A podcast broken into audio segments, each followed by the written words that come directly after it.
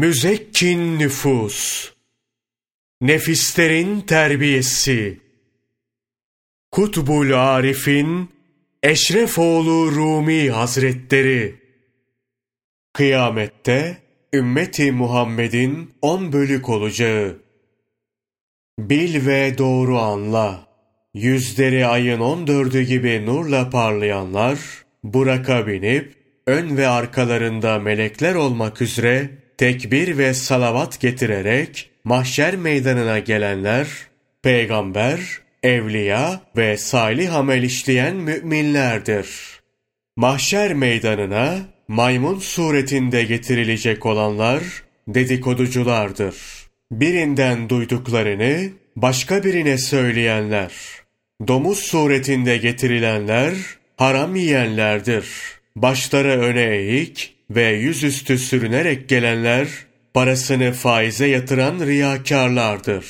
İki gözü kör getirilenler, zulmedip haksızlık edenlerdir. İster evindekilere haksızlık etsinler, ister bey olup, rüşvetle haksız yönde hükmeden olsunlar, bunlar zalimdir.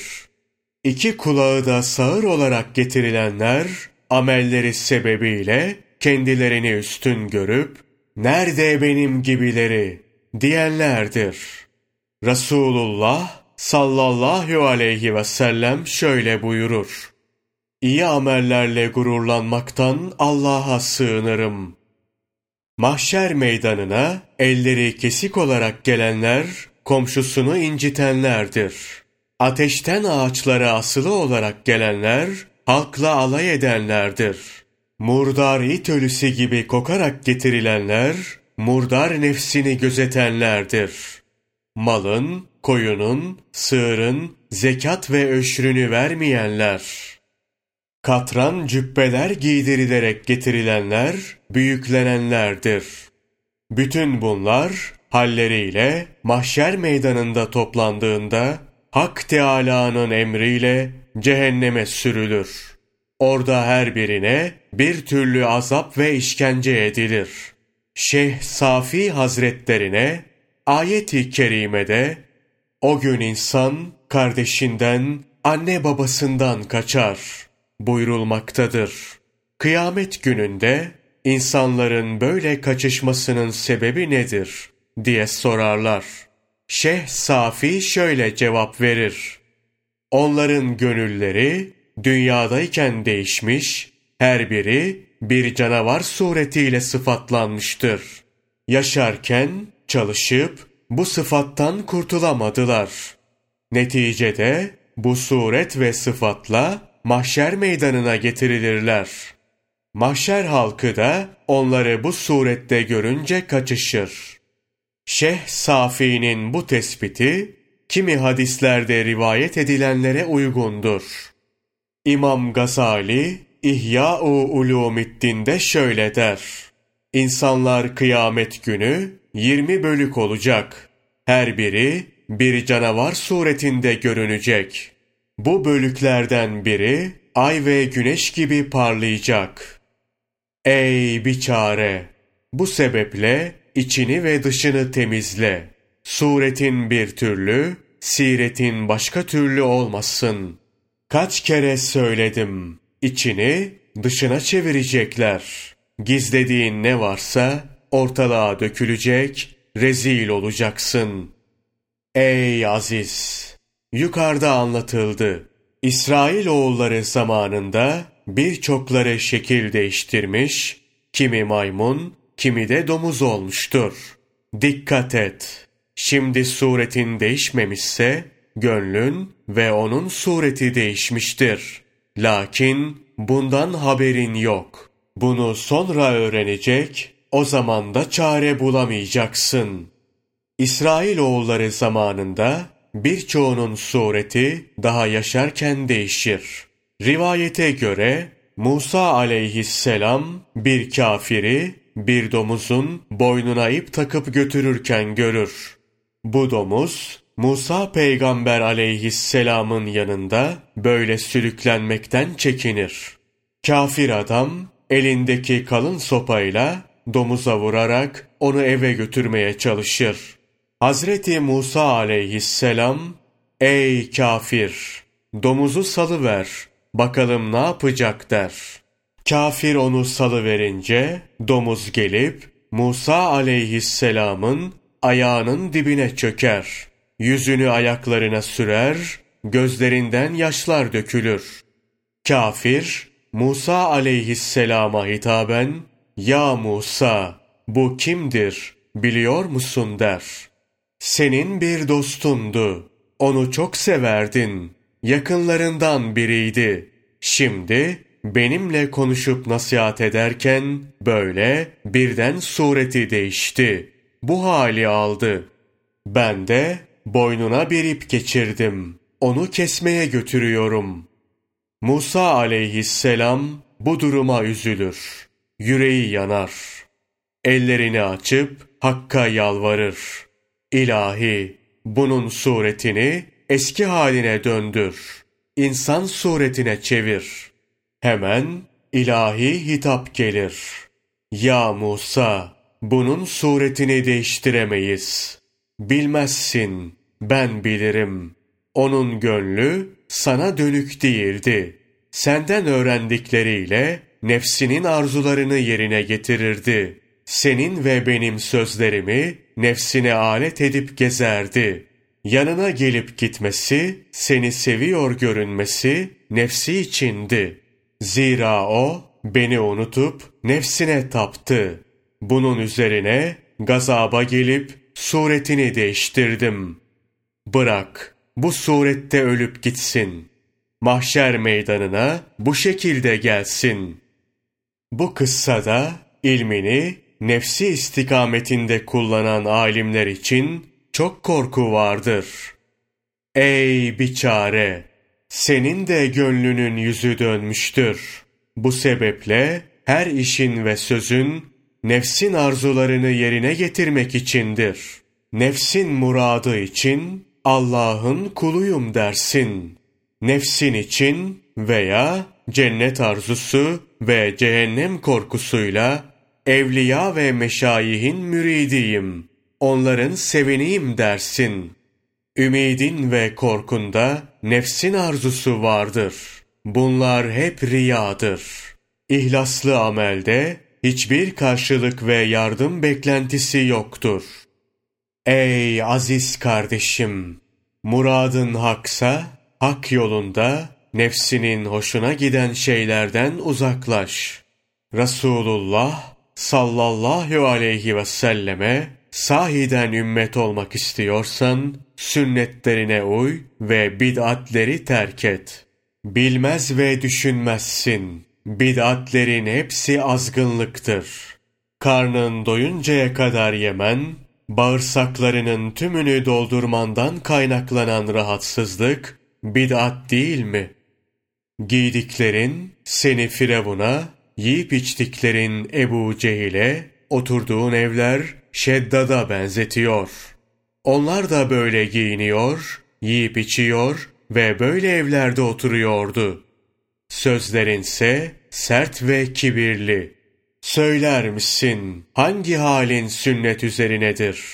İnsaf et. Söze gelince fukaraya karşı muhabbetim vardır deyip Bayezid-i Sani gibi görünürsün. Fakat üzerinde fakirlerin renginden bir iz, bir renk dahi olmaz.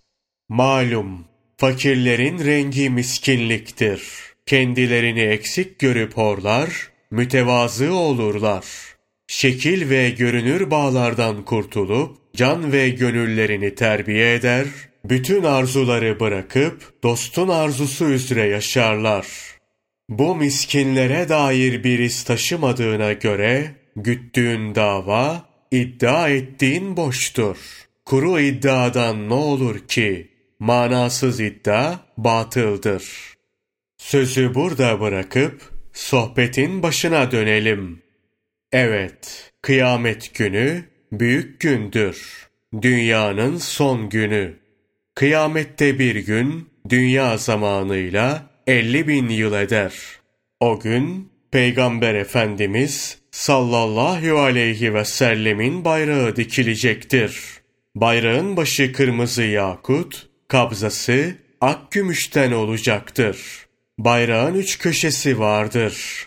Birinde La ilahe illallah Muhammedun Resulullah birinde Bismillahirrahmanirrahim birinde de Elhamdülillah yazılıdır.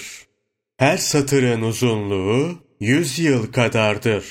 Şeyhlerin, mürit ve sevenlerinin hepsi bu bayrağın altında hazır bulunur. İki cihanın iftihar sebebi Muhammed Mustafa sallallahu aleyhi ve sellem şöyle buyurur. Kıyamet gününün efendisiyim ama bununla övünmem. O gün Livaül Hamd sancağı elimde olur. Bütün enbiya ve evliya sancağımın altında toplanır. Sancağımın altında beş bin sancak daha olacaktır.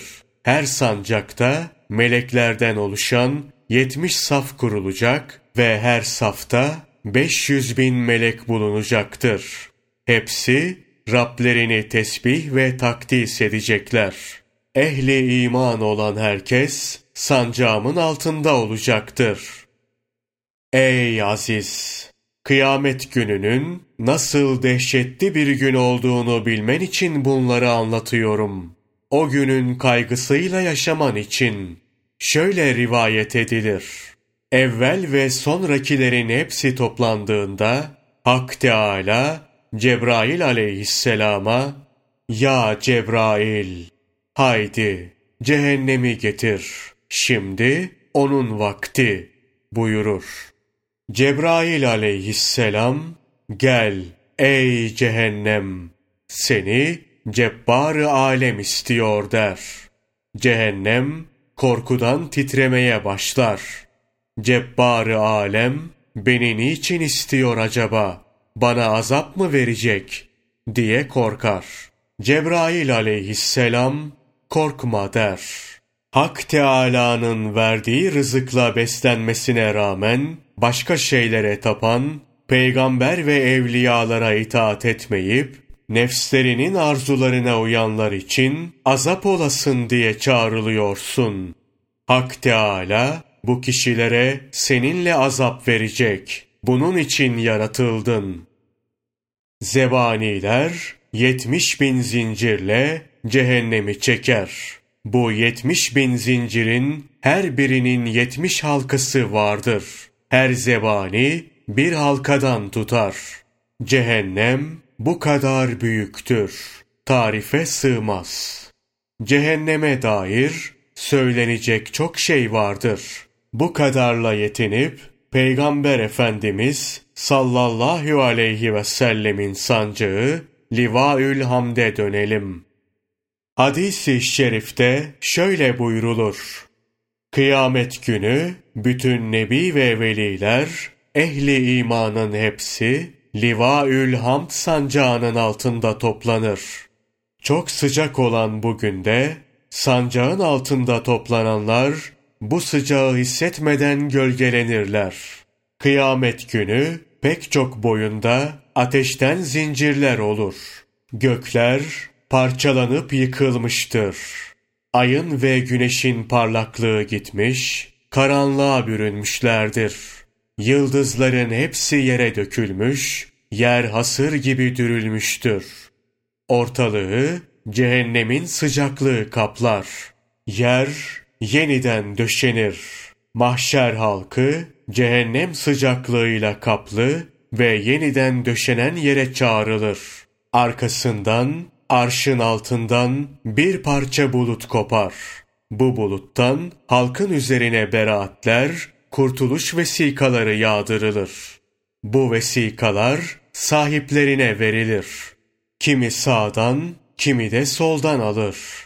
Vesikaların bazısı ak, bazısı da kara olur. Terazi kurulur, herkesin beraati tartıya konulur. Terazi o kadar büyük olur ki, bir tarafında yerler, bir tarafında da gökler yer alır. Terazide tartıyı gerçekleştiren Cebrail aleyhisselamken, terazinin sahibi Rabbül Alemin'dir. bu teraziye inanmak gerekir. Hak Teala Kur'an'da Araf suresi 8. ayeti kerimede o gün amellerin tartılması haktır. Buyurduğuna göre terazi inkar edilemez bir hakikattir. Resulullah sallallahu aleyhi ve sellemse bu hususta şöyle buyurur. O terazi muhakkak kurulacaktır. O terazinin bir dili, iki de gözü vardır. Amel sahifesi bu terazide tartılacaktır. Terazi, insan ve cinlerin arasına asılır. Amel defterleri burada tartılır. Hayır amelleri ağır gelen cennete, kötü amelleri ağır gelen cehenneme gider. Hak Teala Kur'an-ı Kerim'de Kariya suresi 6 ile 11. ayetlerde şöyle buyurur. İşte o vakit kimin tartıları ağır gelmişse artık o hoşnut olacağı bir hayat içinde olacaktır. Ama kimin de tartıları hafif gelirse işte onun mekanı haviyedir. Onun mahiyetini sana bildiren nedir? O kızgın bir ateştir.